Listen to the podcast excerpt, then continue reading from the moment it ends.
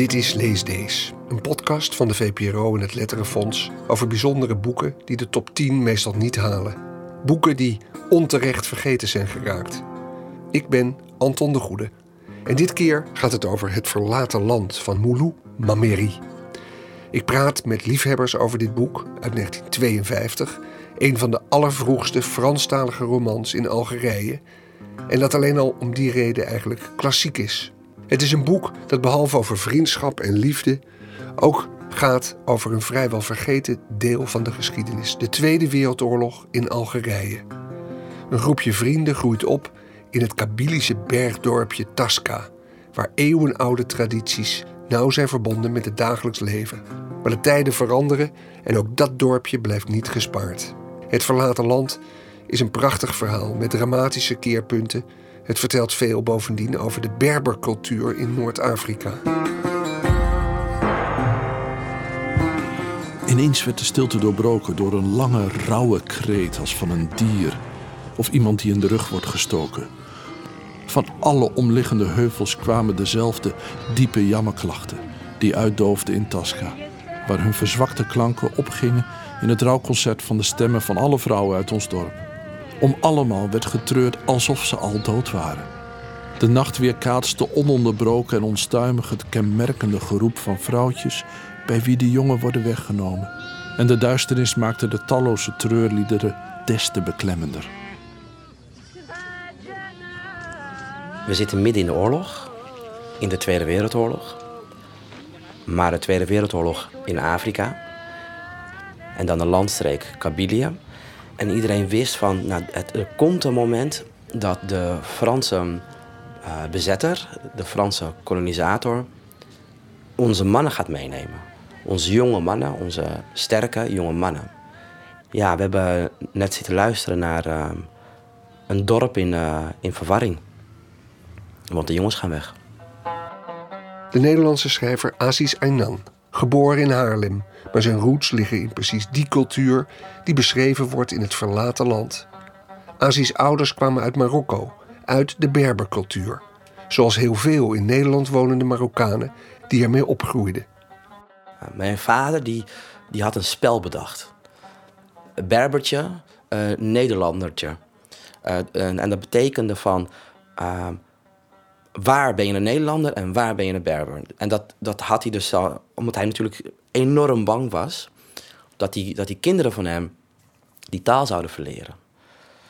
Um, dus dan mochten we, dus op straat moesten we van mijn vader Nederlands spreken. En als we thuis kwamen, in de hal, in de gang waar wij onze schoenen uitdeden, daar mocht je het zelf bepalen wat je deed. Dat was zeg maar niemands land. Maar als je in de woonkamer stond, dan moest je Berber spreken. Op een gegeven moment uh, ja, stroom je naar buiten en dan ga je natuurlijk naar school en uh, vrienden en dergelijke. En waar ik ook kwam, werd ik dus gedefinieerd tot Arabier. Dat was een bizar fenomeen was dat. Uh, het gekke is dat er in Nederland, wat ik vond, klopte niet. Een Berber-achtergrond hebben, maar gezien worden als Arabier. Het overkwam veel Marokkanen in Nederland. Bijvoorbeeld als de huisarts foldertjes uitdeelde in het klassiek Arabisch, waarvan een familie zoals die van Aziz geen letter kon lezen. In Nederland heerste, zo leerde hij al jong, vooral veel misverstanden over de Berbercultuur. Hoe de mannen en vrouwen met elkaar omgaan in het verlaten land is geheel naar verwachting traditioneel en conservatief. Maar wat er opvalt is ook dat er stemmen klinken tegen die ouderwetse structuren. Het maakt het boek tot een sociale aanklacht. Luister bijvoorbeeld naar het personage Dafda, die feministisch uit de hoek komt. Weet je niet meer, Menach, wat de positie van de vrouw bij ons is? Dat ze het recht niet heeft om alleen met een man te blijven staan kletsen. Niet het recht heeft om iedere avond, al was het maar in het kleinste hoekje van haar hart, te wachten op een andere man dan haar echtgenoot. En dat ze vooral niet op het plein naar degene toe mag gaan die de sterren zit te tellen, denkend aan haar.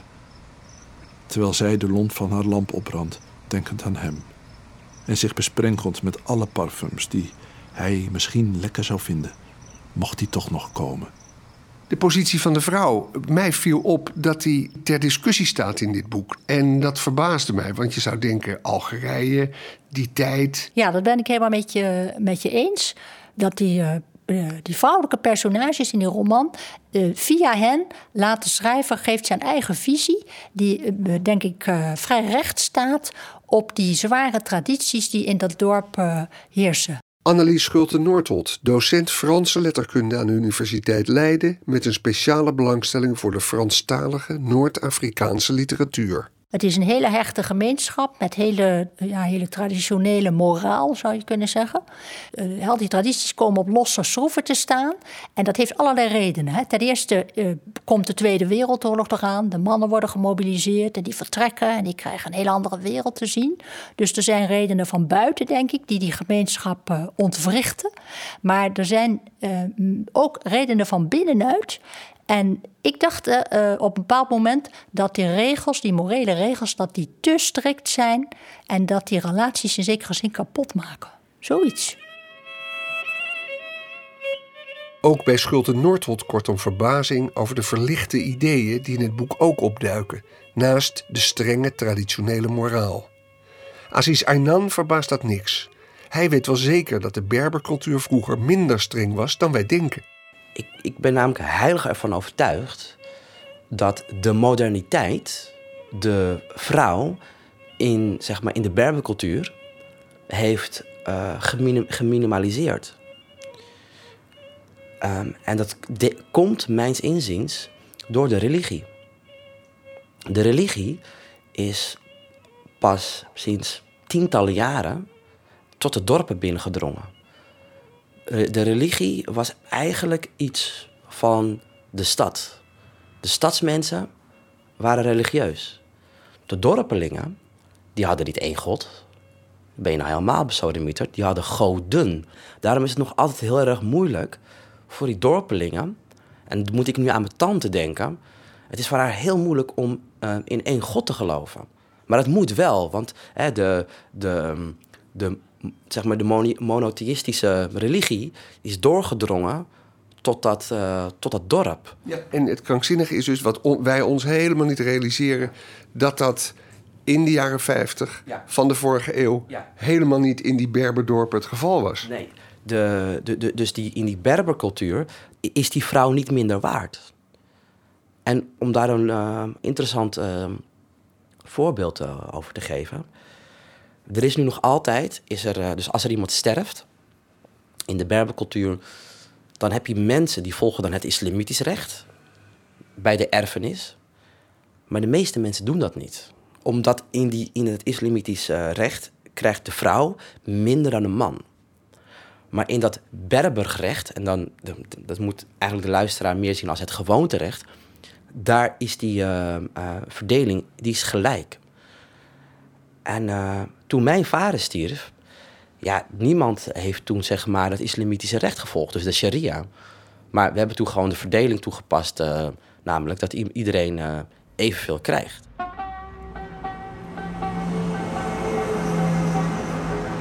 Ja, op zoek naar een jonge lezer van Mameri loop ik nu naar een oud kantoorpand waar ze moet wonen, Anti-Kraak. In Utrecht volgt ze de studie literair vertalen en ze is bezig aan een scriptie over het vertalen van stripboeken. Callas Nijskens. Hallo met Callas. Callas Nijskens. Wat vond je het goede van het boek? Toen ik het echt uit had, het eerste wat ik dacht toen was... Dit boek bevestigt eigenlijk alleen maar mijn idee dat mannen de oorsprong zijn van alle kwaad. Terwijl ze vrouwen continu de schuld overal van geven. Ja, oké. Ga je dat illustreren aan de hand van een passage? Nou, er is één stuk.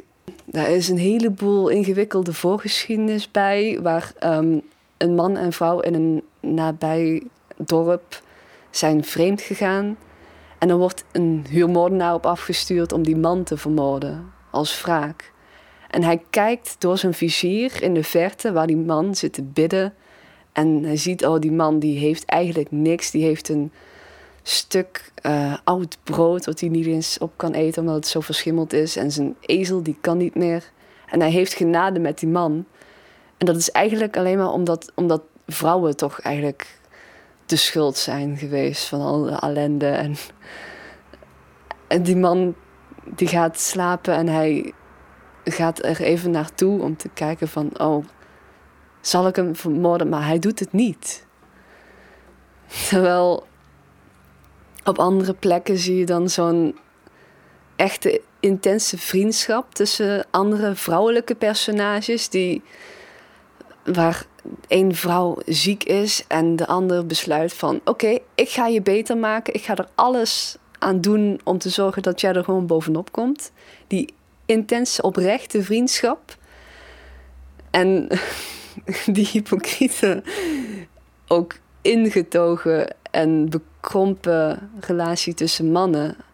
Omdat er zoveel niet mag en er zoveel ingehouden. Ja, het is ja, een hele aparte cultuur om te lezen. Maar ook heel pijnlijk om te zien hoe expliciet vrouwen de schuld krijgen van alles. Terwijl het eigenlijk gewoon de manier is waarop mannen niet in staat zijn om hun vrouwelijke kant te omarmen, niet in staat zijn om hun emoties te uiten. Er is één vrouw, uh, Dafda heet die in het boek. En die komt echt eigenlijk op voor de positie van de vrouw. Die signaleert dat het, uh, dat, dat het niet goed zit. En in die zin, en ook zoals jij dat analyseert, zou je het bijna een feministisch boek kunnen noemen. Ik vind het moeilijk om een boek feministisch te noemen, omdat je een boek op allerlei manieren kunt lezen. Ook, je kunt dit ook zien als bevestiging van ja, inderdaad, vrouwen zijn de bron van alle kwaad. Maar dat is niet hoe ik het lees. Je kunt het boek heel feministisch lezen. Vooral inderdaad, het personage van Daphne is zeer revolutionair. Maar het is wel jammer dat ze dan op het laatst toch nog zwicht voor die ene man en toch nog met hem zoent. Terwijl het eigenlijk, ja, ze had gewoon sterk moeten blijven. dat vond ik wel jammer. Nog even iets over de positie van de schrijver, Mahmoud Mamiri. En over wat dit boek nu zo bijzonder maakt.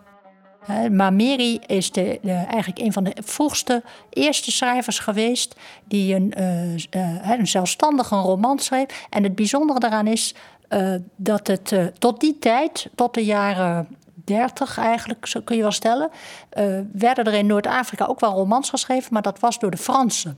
En door mensen, laat ik zeggen, de, de kolonisten, zoals je ze zou noemen. Of reizigers die daar kwamen van buitenaf. En Mameri hoort bij de eerste generatie in Algerije, die zelf het woord nam om over zijn eigen cultuur en zijn eigen achtergrond en zijn eigen dorp, uh, om daarover te gaan schrijven. En dat, uh, het, het aparte ervan ook is dat hij dat natuurlijk in het Frans deed. Nou, duidelijk waarom. Want de elite werd in Frans opgeleid en kon zo in, in het Frans een, een, boek schrijven. Uh, maar daardoor werden het ook boeken die expliciet op een Frans publiek gericht waren. Die werden ook in Frankrijk gepubliceerd. En uh, de bedoeling ook van, van schrijvers als Mameri was om de buitenwereld te laten zien hoe prachtig zijn eigen cultuur wel niet was. En je kunt misschien ook wel zeggen die Berberse cultuur van, de, van Kabylie, hè, van die streek waar het speelt. Aziz Aynan, heb jij een favoriete passage? Of overval ik je daarmee? Nee, nee, nee. nee. De, mijn favoriete passage is namelijk op uh, de eerste pagina van het boek. Het voorjaar is bij ons van korte duur. Wanneer na de laatste koude winterdagen, waarop de wind woest over de dakpannen raast en mens en dier zich moeten verschuilen voor de sneeuw, het milde voorjaar terugkeert, heeft het nauwelijks de tijd om de velden een groen laagje te geven. Of de zon doet de bloemen alweer verwelken en de oogsten vergelen. De lente van de meisjes is ook van korte duur. Eigenlijk is dat dit stukje wat ik voorlees alle roman. Dus je, ziet die verandering van, uh, van het seizoen. Maar het mooiste seizoen is tegelijkertijd ook het kortste seizoen. Heel mooi stukje. Het, die eerste zin. Het voorjaar is bij ons van uh, korte duur. Dus het, dat, zegt ook heel veel over die streek. Dus het, het mooiste jaargetijden. Uh, ook het jaargetijden waar je het vrolijkst bent. Dat, dat, dat duurt het kort. Dat betekent dus dat de rest van de tijd is het er uh, zwaar. Want is het namelijk of te heet of te koud. Tot zover. We hoorden schrijver Aziz Aynan, tevens oprichter van de Berberbibliotheek, docent Annelies Schulte-Noordhot en student Callas Nijskens over het verlaten land van Mouloud Mameri, verschenen bij uitgeverij Jurgen Maas in een vertaling van Hester Tollenaar. Met dank aan Matthijs Deen, Berry Kamer, Alexandra Koch, Eva van Meert, Randy Vermeulen en de collega's van het programma Nooit meer slapen. Tot zover deze editie van Lees Dees, een VPRO-podcast die aanhaakt bij de actie Swap. En Swap is een initiatief van het Nederlands Letterenfonds met maandelijks aandacht voor steeds één literaire vertaling. Reageren op deze podcast kan. Het adres is leesdees.vpro.nl. We streven bij deze podcast naar maandelijkse frequentie. Door je te abonneren op Lees wat overigens geheel gratis is, krijg je toekomstige afleveringen vanzelf onder ogen. Meer informatie is te vinden op vpro.nl/slash leesdees. Maar de podcast is natuurlijk ook vindbaar in iTunes en Stitcher. Volgende keer gaat het hier over het boek Terrein naar Pakistan van Kushwant Singh, roman die speelt tijdens de opdeling van het Brits-Indische Rijk in 1947. Over dat boek en over de gehele actie Swap van het Letterfonds vind je meer via swap.nl, gespeld S-C-H-W-O-P. Graag tot horens, tot bij een volgende editie van Lees Deze.